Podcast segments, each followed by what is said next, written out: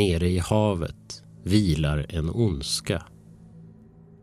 Eller ondska är kanske fel ord för att beskriva den här varelsen för i själva verket existerar vare sig gott eller ont för honom. Han ligger i dvala och han drömmer. Han viskar hemligheter så fruktansvärda att vi skulle förlora förståndet om vi hörde dem. Ovanför vattenytan verkar hans tjänare i tysthet. De har alltid funnits och de kommer alltid att existera. De håller sig gömda i städernas mörker och i ödemarkernas stillhet. Men den dagen när stjärnorna står rätt kommer de att befria honom. Han kommer att vakna och mörker kommer att lägga sig över oss alla. Det här är Podplays fruktansvärda monster producerat av mig, Albin Boman och Viktor Meidal. Följ oss gärna på Instagram under fruktansvärda monster där vi lägger upp mer spännande material. Om du inte kan få nog av skräck kan du gratis ta del av vårt bonusmaterial i Podplay-appen.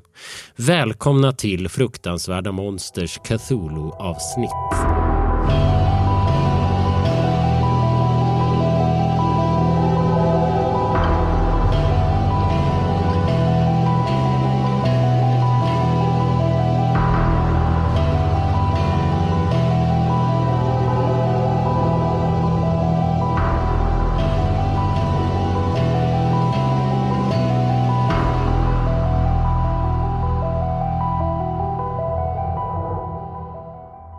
Dagon av H.P. Lovecraft.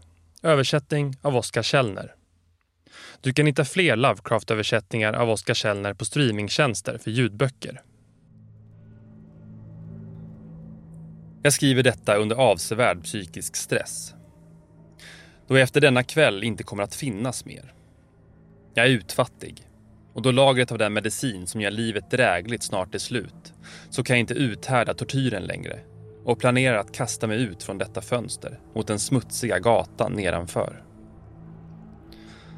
Tro inte, bara för att jag är en slav under morfinet, att jag är en vekling eller en omoralisk person. När du har läst dessa hastigt nedklottrade anteckningar kan du kanske ana, men aldrig fullt ut förstå, varför jag måste glömma eller dö. Det var på en av de mest öppna och minst trafikerade delarna av det väldiga Stilla havet som det skepp som vilket jag var lastuppsyningsman, föll offer för den tyska kaparen. Det stora kriget hade precis börjat och hunnernas havsflotta hade ännu inte sjunkit till sin senare låga nivå av moraliskt förfall. Så beslagtagandet av vårt fartyg gjordes helt enligt krigslagarna. Och vi i besättningen behandlades både rättvist och hänsynsfullt som krigsfångar. Ja, så avslappnad var disciplinen hos våra fångvaktare att jag fem dagar senare lyckades fly ensam i en liten båt med vatten och förnödenheter för en lång tid framåt. När jag äntligen var fri och på drift hade jag bara en vag uppfattning om min position. Jag hade aldrig varit en kompetent navigatör och kunde bara gissa vagt av solen och stjärnorna att jag var något söder om ekvatorn. Jag kände inte till min longitud och ingen ö eller kustlinje var i sikte. Det vackra vädret höll i sig och i oräkneliga dagar drev jag planlöst under den brännande solen. Väntande antingen på att något fartyg skulle passera eller på att kastas upp på stranden av något beboeligt land. Men varken fartyg eller land visade sig och jag började misströsta i min ensamhet på de vidsträckta, blå böljorna. Förändringen kom medan jag sov. Exakt vad som skedde kom jag aldrig att få veta. För även om min sömn var orolig och fylld med mardrömmar så sov jag tungt. När jag äntligen vaknade upptäckte jag att min kropp var halvt nedsugen i en slemmig, helvetisk svart myr som sträckte ut sig så långt jag kunde se. Och en bit bort låg även min båt uppkastad på land. Man skulle kunna tro att min första känsla skulle vara av förundran över en så ofantlig och oväntad förvandling av landskapet. Men i verkligheten var jag mer skräckslagen än förvånad. För både luften och den ruttnande marken hade en olycksbådande beskaffenhet som fick mig att frysa ända in i själen. Luften var unken, Den gränslösa myren täckt med kropparna av ruttnande fisk och andra obeskrivliga saker som stack upp ur den vidriga dyn. Jag tvivlar på att det med enbart ord går att förmedla det outsägligt motbjudande som kan jävlas i den absoluta tystnaden i en karg oändlighet. Det hördes inte ett ljud. Och det fanns inget inom sikte förutom svart slem. Ändå kom den fullständiga stillheten och det enformiga landskapet att tynga mig med en kväljande skräck. Solen gastade från en himmel som tycktes mig nästan svart i sin molnfria grymhet. Som om den reflekterade den bläcksvarta dyn under mina fötter. Jag kröp in i den strandade båten och insåg att endast en teori kunde förklara min belägenhet. Med krafter utan motstycke måste någon sorts vulkaniska omvälvningar ha kastat upp en del av havsbotten till ytan. Så att det blivit land av områden som under otaliga miljoner år legat gömda i oändligt djupa vatten. Så stort var det nya land som hade stigit under mig att jag inte kunde upptäcka det minsta brus från böljande hav. Hur jag än spetsade mina öron. Inte heller kom det några havsfåglar för att fästa på de döda tingen i leran. I flera timmar satt jag och grubblade i båten som låg på sidan och skänkte en viss skugga då solen rörde sig över himlen. Då dagen fortskred förlorade marken något av sin klibbighet och det verkade troligt att den snart skulle vara torr nog för att jag skulle kunna vandra över den. Den natten sov jag dåligt. Och nästa dag gjorde jag i ordning ett knyte med mat och vatten. I förberedelse för en vandring över vidderna på jakt efter det försvunna havet och en chans att bli räddad. På den tredje morgonen fann jag att leran hade torkat så att man kunde gå på den utan problem. Stanken av fisk var outhärdlig. Men jag var så upptagen med viktigare saker så jag ignorerade det och påbörjade min färd mot okänt mål. Hela dagen vandrade jag stadigt västerut vägledd av en kulle i fjärran som låg högre än något annat i denna svarta öken. Den natten slog jag läger och följande dag fortsatte jag min resa mot kullen. Men kullen verkade knappt närmare nu än när jag först hade sett den. På fjärde kvällen nådde jag foten av höjden som visade sig vara mycket högre än vad den hade sett ut på avstånd. En mellanliggande dalgång fick den att i kontrast stå ut än mer från resten av vidderna. För trött för att bestiga kullen samma kväll sov jag i dess skugga. Jag vet inte varför mina drömmar var så galna den natten.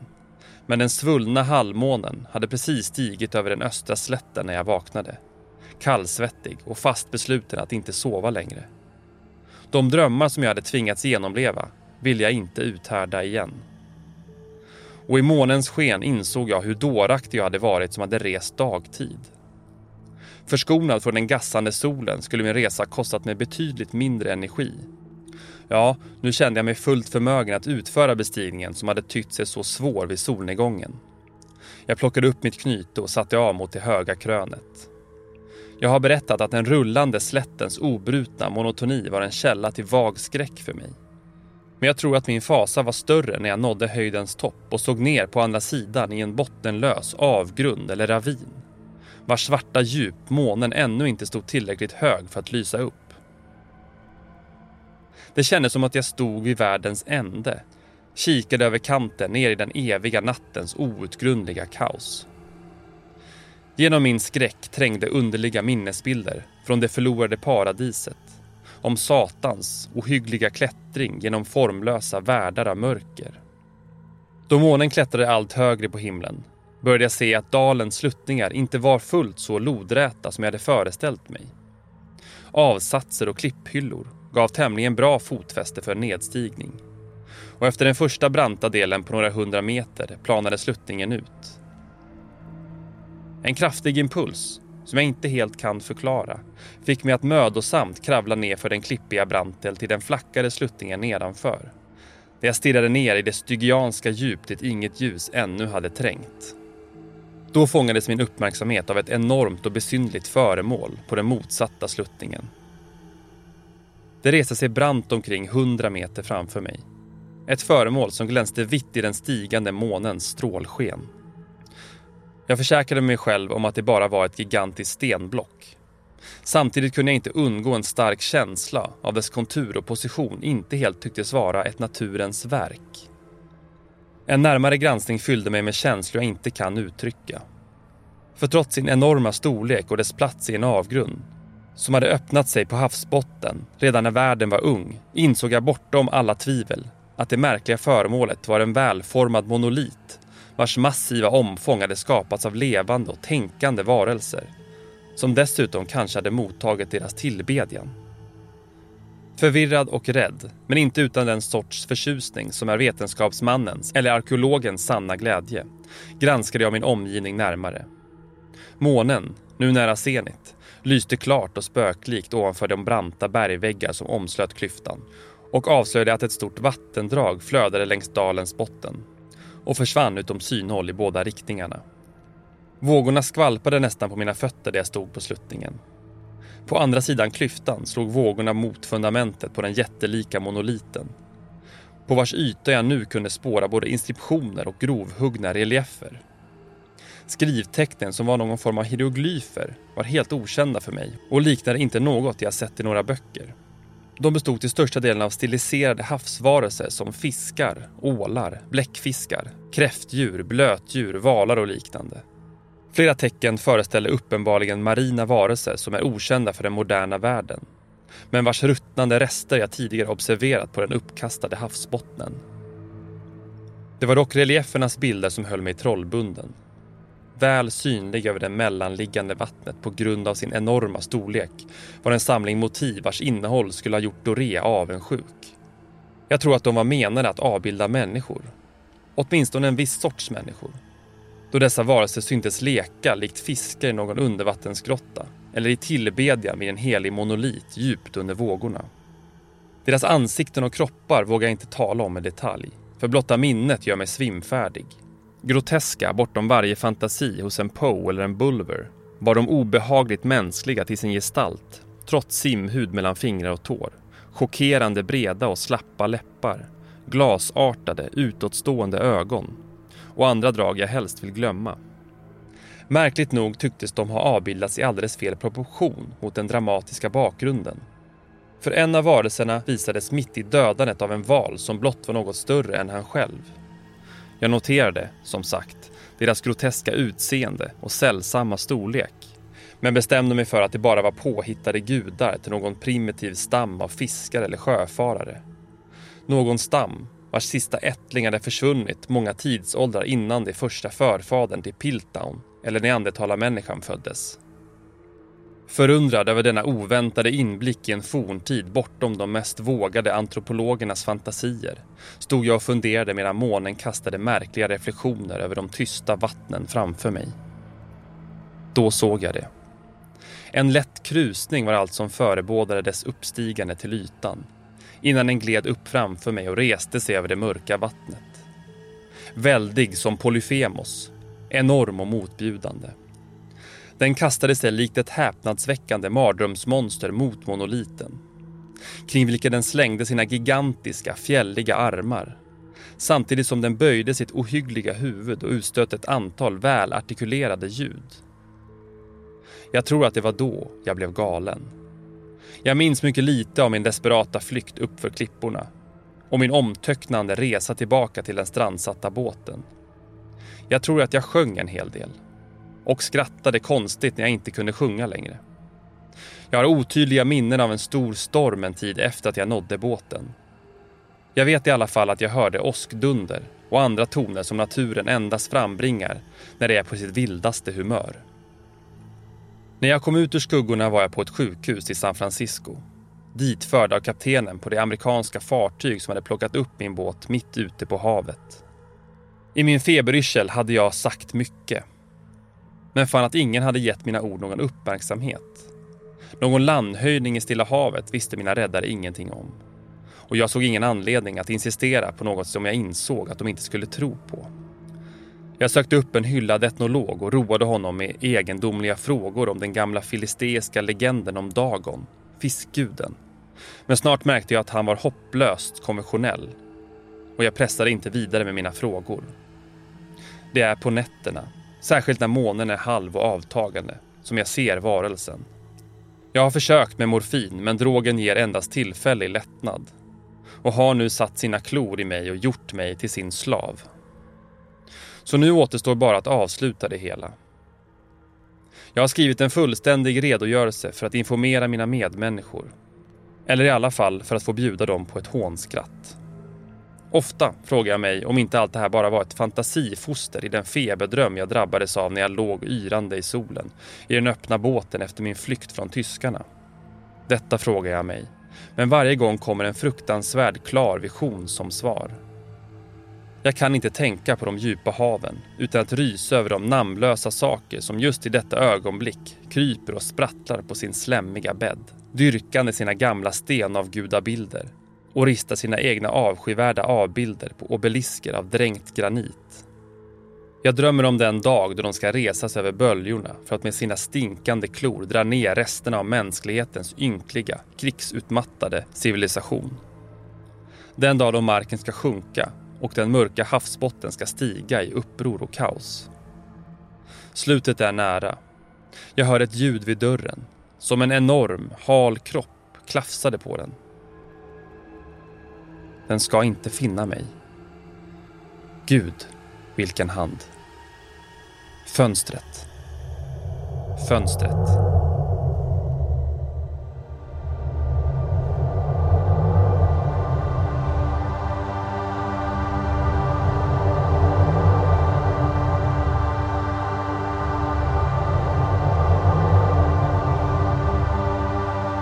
Lovecraft är ju en sån här som typ uppfann en egen genre. Kosmisk skräck. Det finns ju en anledning till att så fort någon pratar om kosmisk skräck så är det första adjektiv som används Lovecraftiansk.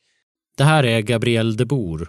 Hon är författare till rollspel, skräck och, som hon själv säger, andra nördiga saker. Det är en genre som han gjorde populär. Och den kosmiska skräcken är helt enkelt skräck som bygger på att det finns något större i det kosmiska än vad vi är och vi är relativt eh, obetydliga i det. Och det är ju verkligen det som Lovecraft populariserade och det har vi sett sen i ja, men bland annat filmer som The Thing och Cabin in the Woods. Du har sett det i ja, allting där folk pratar om någon form av typ The Ancient Ones. Då kan vi tacka, då kan vi tacka Lovecraft för det. Howard Phillips eller som han brukar kallas H.P. Lovecraft, var en författare som levde mellan 1890 och 1937. Han kom senare att bli en av 1900-talets mest inflytelserika skräckförfattare och han är än idag lika mytomspunnen och upphöjd som ifrågasatt och debatterad. Han har kultstatus bland många skräckfans och otaliga författare och regissörer har influerats av honom. Det som Lovecraft är mest känd för är sitt världsbygge. Han skapade skelettet till det som har kommit att kallas för Cthulhu-mytologin. Den kretsar kring de stora äldre, eller the great old ones, vilka är skräckinjagande gudalika varelser som leds av överstepräster, bland andra Cthulhu, som är en fjällig människoliknande varelse med vingar och ett bläckfiskliknande huvud. Cthulhu ligger i dvala och är död men drömmande. I Lovecrafts novell The Call of Cthulhu beskrivs The Great Old Ones som uråldriga gudar som har existerat bra mycket längre än civilisationen och människan. En dag kommer stjärnorna stå rätt och då kommer de att vakna och sprida förödelse över jorden. Ja, men om jag skulle beskriva den här mytologin så tror jag att den första biten är att precis som vissa mytologier så har det någon form av liksom hierarki men där väldigt många andra är skapade kring att, ja men om vi tittar på grekiska mytologin till exempel, där, där existerar allt med någon form av syfte. Så är varelserna i Lovecrafts mytologi alltid tänkta att representera den kosmiska skräcken. Det som vi aldrig riktigt kan förstå och en totalt oförlåtande värld och universum där vi som människor är totalt obetydliga. Och det sammanfattas väl ganska bra med att den som är i mitten av allt det här är Asatoth, the blind idiot god, som är den liksom mest mäktigaste varelsen av allt. Och egentligen inte riktigt förstår vad han är och existerar utan är som en liksom kaotisk kärnreaktion som existerar på något sätt universums mitt. Och vem vet, om han inser vad som sker så kanske han skulle bli medveten och då skulle allt, skulle verkligheten sluta finnas. Ett poddtips från Podplay. I podden Något Kaiko garanterar östgötarna Brutti och jag, Davva, dig en stor dos skratt. Där följer jag pladask för köttätandet igen. Man är lite som en jävla vampyr. Man har fått lite blodsmak och då måste man ha mer. Udda spaningar, fängslande anekdoter och en och annan arg rant. Jag måste ha mitt kaffe på morgonen för annars är jag ingen trevlig människa. Då är du ingen trevlig människa, punkt. Något Kaiko, hör du på Podplay. Därför är gardinerna. Idag ligger Lovecrafts texter under så kallad public domain. Det vill säga de är allmän egendom och utan upphovsrätt. Det har gjort att Cthulhu-mytologin har haft möjlighet att växa och utvecklas av fler författare. Man skulle kunna jämföra det vid en gigantisk crowdsourcad creepypasta. Det som skiljer Lovecrafts Cthulhu-mytos från till exempel J.R.R. Tolkiens värld är att Lovecraft hade aldrig någon idé på någon liksom sammanvävd mytologi utan han såg det mer som att det var kul att allt utspelade sig i samma universum och sen hade han väldigt många kompisar som skrev litterärt och då var det också kul att då kunde saker de skrev också utspela sig i det här universumet. Så att det var till exempel författare som Robert E. Howard och Robert Block som skrev flera verk som då också blev en del av på något sätt den här mytologin. Och sen är det flera personer efter som har varit med i den. Men grunden var på något sätt lite att men alla som skrev och blev utgivna i det här, det ansågs som kanon. Och eh, Lovecraft placerade egentligen inte namnet vid Cthulhu, utan han kallade det för Yog-Sothory. Efter Yog-Sothoth som bland annat är en av de liksom, större Great Old Ones i eh, novellen The Dumber Horror. För en oinsatt finns det i detta världsbygge många märkliga och svåruttalade namn och begrepp och det kan nog för många kännas svårt att veta hur man ska ta sig an Lovecraft. I och med att hans verk har varit under public domain har Cthulhu-mytologin kunnat växa sig oöverskådligt stor. Det finns idag mängder av bland annat rollspelsäventyr, noveller, fandomsidor och digitala uppslagsverk där mytologin förklaras och uppdateras. Cthulhu och även Lovecraft själv är populärkulturella fenomen.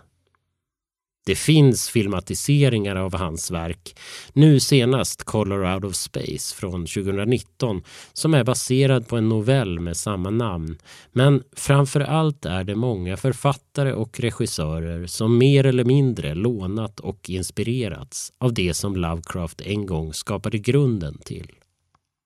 Stephen Kings Det brukar nämnas som Lovecraftiansk med den uråldriga, gudaliknande och ondskefulla Pennywise i centrum.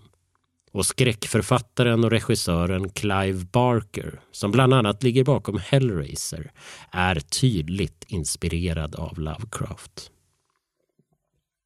Detta eko ljuder även inom rockmusiken. Kanske främst inom metalgenren. Bland annat i Metallicas instrumentala låt The Call of Cthulhu som avslutar albumet Ride the Lightning från 1984.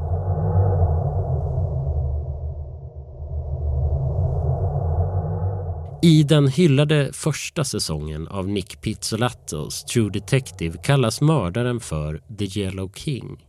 Och han sägs i tv-serien härstamma från Carcosa.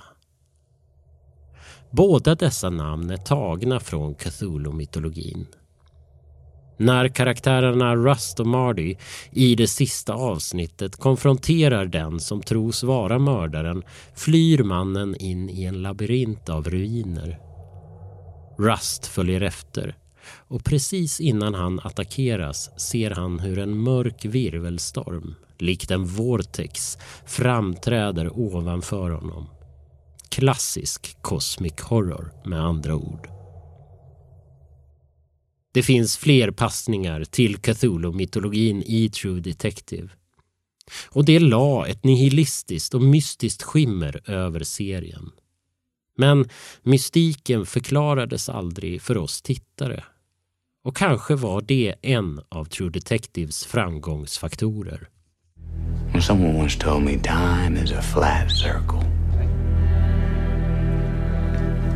Everything we've ever done or will do, we're gonna do over and over and over again. Men den som tar sig an H.P. Lovecraft märker snart att han hade många problematiska tankar och idéer. Bland annat lyser författarens rasism igenom i flera av hans verk. Det här är något som ofta lyfts fram när Lovecraft kommer på tal, vilket Gabriel de Boer tycker är positivt. Jag känner väl också att en av grejerna som, som gör Lovecrafts problematik lättare än väldigt många andra är att vi, vi delvis att vi pratar så öppet om det. det är ju, liksom, vissa försöker säga men han var en produkt av sin tid. Nej, folk tyckte han var extrem för sin tid. Det finns väldigt tydliga saker skrivet vad han tyckte. Men det är okej okay att gilla honom ändå. Det är helt okej okay att gilla hans verk. Jag är ju också väldigt mycket en så här, hylla verken, fundera på hur mycket vi vill hylla personen. Men sen bara den praktiska saken att så här, ja, men han är död, han har ingen släkt, han tjänar inget ekonomiskt på det här. Gabriel de Boer jämför med Harry Potter-författaren J.K. Rowling som flertalet gånger hamnat i blåsväder efter att hon uttalat sig kritiskt om transpersoner. Hur ska vi konsumera Harry Potter-material där vi har liksom ett ekonomiskt imperium kring det här eh, och hur vill vi tänka på att stödja det eller inte?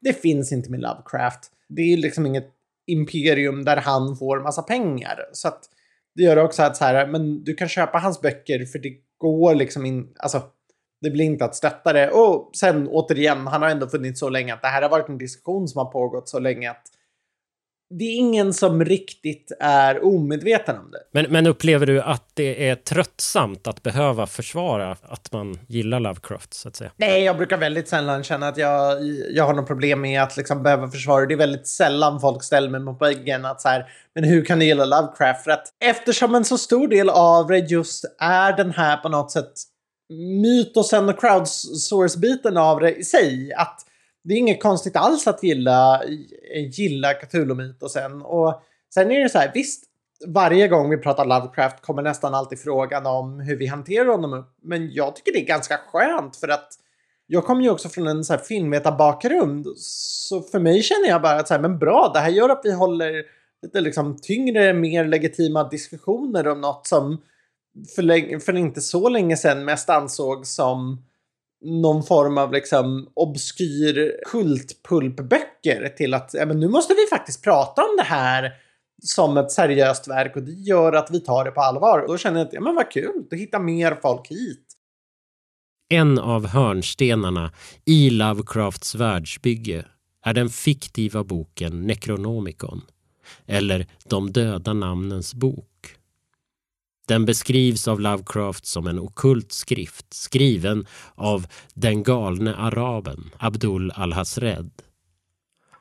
Den som studerar texterna i boken får insikter som gör att hen riskerar att förlora förståndet eller på annat sätt råka riktigt illa ut.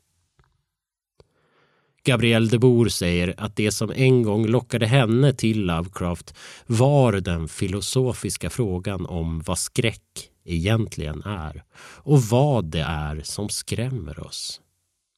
Skräcken som finns i Lovecrafts verk handlar om det okända. Det som våra mänskliga sinnen inte kan greppa. Och ju mer vi förstår av hur världen egentligen fungerar, desto större blir skräcken. Det fick en att tänka själv vad som hände och varför du var rädd. jag har alltid varit väldigt intresserad av något, den psykologiska aspekten bakom skräck. Och sen finns det väldigt mycket bra body horror och jag älskar body horror, så det talade också till mig. Nej, men och sen gillar jag den här väldigt liksom, pulpiga aspekten som finns i hans böcker blandat med den här superhögtravande prosan. Och sen tänker jag så att den sista lockande grejen med Lovecraft var att redan när jag började läsa honom så var allt i public domain. Och eh, där jag är nu så är det också väldigt kul för det gör att det finns en annan möjlighet att tolka om Lovecraft. Alltså att jag reagerade på det redan i tonåren. Till exempel den liksom, väldiga rasism som fanns i Lovecrafts böcker. Och nu när jag har kommit upp i ålder lite och själv blivit en skapare så är hela den här crowdsource-stämningen som finns kring Lovecraft det gör att skriva saker där du också vill omtolka och på något sätt fundera och kritisera den rasismen som har funnits. Det kan ändå anses tillhöra någon form av kanon. Det är liksom också lika valid, för det har det alltid varit. För det var alltid en del av att alla var med och skrev till det här. Och det är också ganska förlösande som ett sätt att på något sätt claima eller reclaima Lovecraft.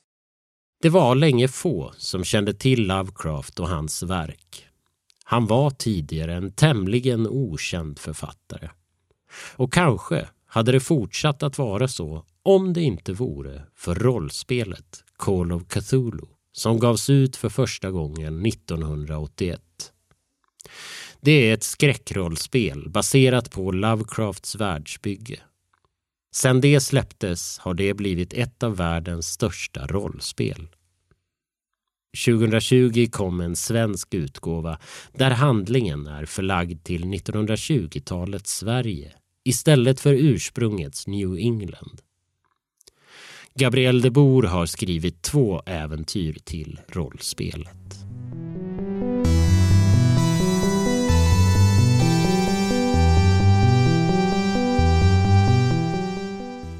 Det finns ett gäng svenska författare som på olika sätt låtit sig inspireras av H.P. Lovecraft. Men den som kanske mest av alla idag förknippas med honom är Anders Fager. Han har en bakgrund som spelkonstruktör och officer och debuterade skönlitterärt 2009 med novellsamlingen Svenska kulter. Om bara ett par veckor den 28 augusti släpper han ännu en novellsamling med titeln Bläckfisken och den japanske sjömannen. Jag tror inte jag tänkte på det när jag började. Eh, men när jag sen då helt plötsligt fick sitta och prata om Lovecraft i olika sammanhang så började jag ju förstå vad jag hade ställt till med. Mm. Och sen är det ju roligt nu, jag går in på Wikipedia och ser mitt namn i en lång radda namn där liksom, ja där är Clive Barker. Mm. Som, som jag är mycket mer influerad av tekniskt. Mm. Han fick för mig att ja, men jag måste, går att skriva skräck så här, då ska jag också göra det. Mm. Och Stephen King och alla de här ganska kända killarna. Och så står jag där i listan också. Det är häftigt alltså. Anders Fager säger att för honom fanns det tydligt före och efter rollspelet Call of Cthulhu. Innan dess hade, inser jag att jag har läst en del av texterna. Jag kommer ihåg att den här The Hound skrämde skiten ur mig när jag var typ 11. Sen är det ju spelet och sen är ja, men den här Lovecraft, vem är det? Det här var ju pre-internet så att man fick liksom den informationen som kom via spelet. Och man, man förstod att det var något bakomvarande och att den här Lovecraft var någon snubbe som vi inte visste så mycket om. Så att det blev ju snarare att man fokuserade på verket, eller de här bilderna. Och då blev det väldigt enkelt, tyckte jag i alla fall, att en historia som den här, The Shadow of Rinsmouth, där det uppe någonstans eh, på amerikanska östkusten är folk som har någon relation med någonting i havsdjupen. De är inavlade med dem. och det är och det var så himla lätt att flytta det där till Sverige. Det är klart det här finns utanför Göteborg eller, eller i Stockholms skärgård någonstans. Det blev roligt att, att lägga de här spelhistorierna i Sverige helt mm, enkelt. Mm, det. det. är inte så att jag gått och haft en lång och meningsfull relation med Lovecraft hela tiden. Men de här idéerna har hängt med. Ett antal av de koncept jag sen använder när jag börjar skriva de här svenska kulter. Ett poddtips från Podplay. I podden Något Kaiko garanterar östgötarna Brutti och jag, Davva, dig en stor dos skratt. Där följer jag pladask för köttätandet igen. Man är lite som en jävla vampyr. Man har fått lite blodsmak och då måste man ha mer. Udda spaningar, fängslande anekdoter och en och annan arg rant. Jag måste ha mitt kaffe på morgonen för annars är jag ingen trevlig människa. Då är du ingen trevlig människa, punkt. Något kajko, hör du på podplay. Därför är gardinerna. Anders Fager har inte bara flyttat Cthulhu till Sverige utan även den ondskefulla Necronomicon. I trilogin Fallet Cornelia Karlsson berättas hur svenskarna under plundringen av Prag 1648 hittar delar av Necronomicon och för hem dem till Sverige. Vatikanen förvarar en del grejer där på behörigt avstånd från nyfikna i Vatikanen. Den riktigt dåliga skiten förvarar man i ett kloster i Prag. Och de grejerna hamnar i Stockholm och kastas ut framför fötterna på drottning Kristina. Och det där är en lång historia mm. som ni kan nysta upp då i det här Cornelia Karlsson. Men eh, de delar av Necronomicon som, som kommer till Sverige de förstörs av Urban Järne någon gång runt 1700. Och det här har jag bara tittat på. Men det är så, Järne förstör det här med syra för att försäkra sig om att den ska vara förstörd. I Cornelia Karlsson-serien använde Anders Fager sig mycket av Cthulhu-mytologin.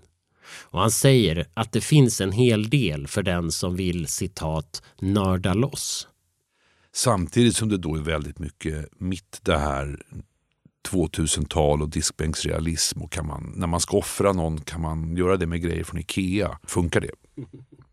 Jag tycker det är skitroligt. Det finns något väldigt mundant i det där som, är, som blir roligt. att mm. Ja, men allting behöver inte vara sådär. Och det här är en uråldrig kunskap. Nej, men det funkar med en sån här billig wok från Servera. Du behöver inte ha något offerkärl. Och tänk på att det luktar som fan. Så du får nog göra det ute på landet. För att annars kommer bostadsrättsföreningen att klaga.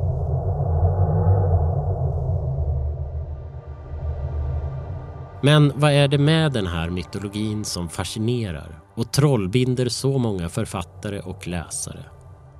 Anders Fager anser att det här världsbygget sticker ut. Det är ett eget slags skräck, bortom de logiskt uppbyggda världsbeskrivningarna som vi är vana vid.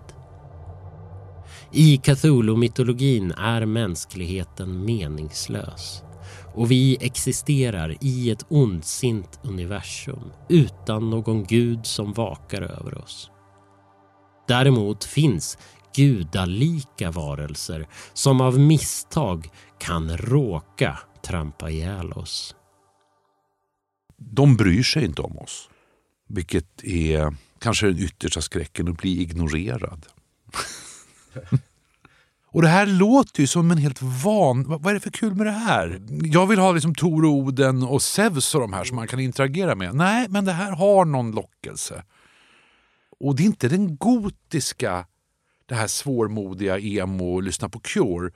Utan det här är något annat. Det är någon tomhet. Det är den här det yttersta kalla tomma som fascinerar tror jag. Sen är det ju balla monster. Det måste man ju också någonstans. Cthulhu sitter i det sjunkna relief någonstans i Söderhavet i sin grav. Han är död men drömmande. Och då och då så liksom går hans drömmar in i, bland människorna och ställer till det. Och vi drömmer om den här sjunkna staden av kyklopeisk sten. Det är ju häftigt. Liksom. Det är cool. Det är inte för intet som det finns en Metallica-låt. Liksom. Vilken konkret betydelse Lovecraft har haft för skräckgenren tycker Anders Fager är svårt att svara på. Men det går inte att bortse ifrån att han har haft en stor påverkan på populärkulturen. Lovecraft är ju en del av så att säga skräckkanon. Det är ju svårt att, att undvika. Sen har många av de här sakerna blivit populärkulturella skämt. Folk lär sina bebisar att göra Cthulhu-minen med den här. Och nu gör jag då en sån här grej med handen framför munnen som Cthulhus tentakler. Det, det gör det så här, man skojar med småungar om det. Jag vet inte hur många procent av mänskligheten som vet vem Hastur eller Cthulhu eller Nyarlathotep är. Men det är ett populärkulturellt nördskämt. Mm. Och de här grejerna dyker upp i alla tänkbara sammanhang. Dataspel, Simpsons, vad det nu kan vara. Mm. Poplåtar. Ja, men det har blivit en del av någon slags populärkultur precis som Batman-skurkarna eller, eller Tolkien eller vad det nu kan vara. Som med många andra smalare populärkulturella företeelser krävs det kanske ett intresse för att man ska hitta fram till Lovecraft. Men om man gör det, hur ska man då som total novis ta sig an denna mytomspunne författare? Hur nalkas man Lovecraft? Det beror på då vilken del man är intresserad av. Är man intresserad av honom som person eller det här populärkulturella fenomenet som Lovecraft eller Cthulhu-mytologin har blivit? Mm. Eller är man ute efter just hans noveller? För att kokar man ner det här till hans noveller så är det inte så jäkla mycket material. Det, han är lite trögläst men det är ju korta texter det mesta. Eh, och nu kommer säkert någon expert att rätta mig men han skriver ju inte så väldigt mycket. Han försörjer sig nog mest på att eh, redigera andras texter och sånt där. Eh, han är ju väldigt kollaborativ. Mm.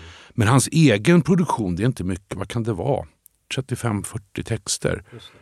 Och av dem skulle jag säga att inte ens hälften hör hemma eller så att säga relaterar till den här mytologin.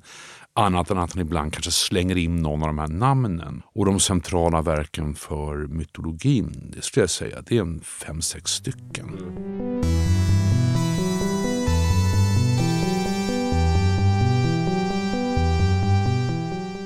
Det är alltså mycket tack vare den kanon, eller det ekot som följt efter Lovecrafts texter som Cthulhu-mytologin vuxit sig så stor och blivit en så pass viktig del av populärkulturen. Necronomicon hittar vi ju till exempel också i Sam Raimis Evil Dead-filmer där demoner åkallas om man läser ur boken. Det finns till och med de som hävdar att boken ska finnas på riktigt. Trots att till och med Lovecraft själv dementerat detta och sagt att boken är hans eget påhitt. Men det är ju onekligen kittlande att tänka sig en bok fylld med ren ondska.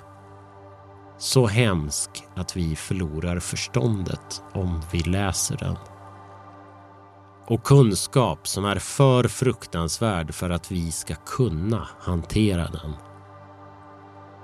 I så fall lever vi i salig ovisshet och Necronomicon är som en ondskefull form av kunskapens frukt.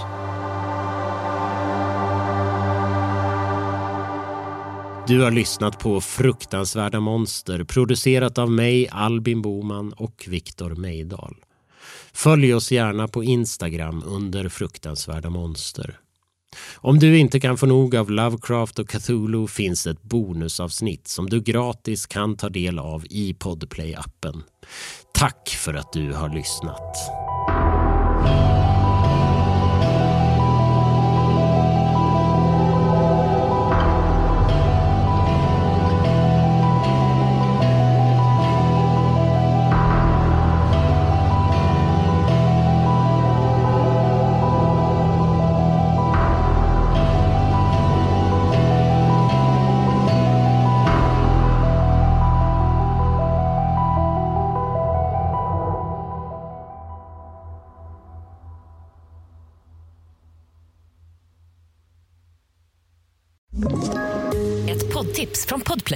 I podden Något Kaiko garanterar östgötarna Brutti och jag, Davva, dig en stor dos skratt. Där följer jag pladask för köttätandet igen. Man är lite som en jävla vampyr. Man har fått lite blodsmak och då måste man ha mer. Udda spaningar, fängslande anekdoter och en och annan arg rant. Jag måste ha mitt kaffe på morgonen för annars är jag ingen trevlig människa. Då är du ingen trevlig människa, punkt. Något Kaiko, hör du på podplay. Därför är gardinerna.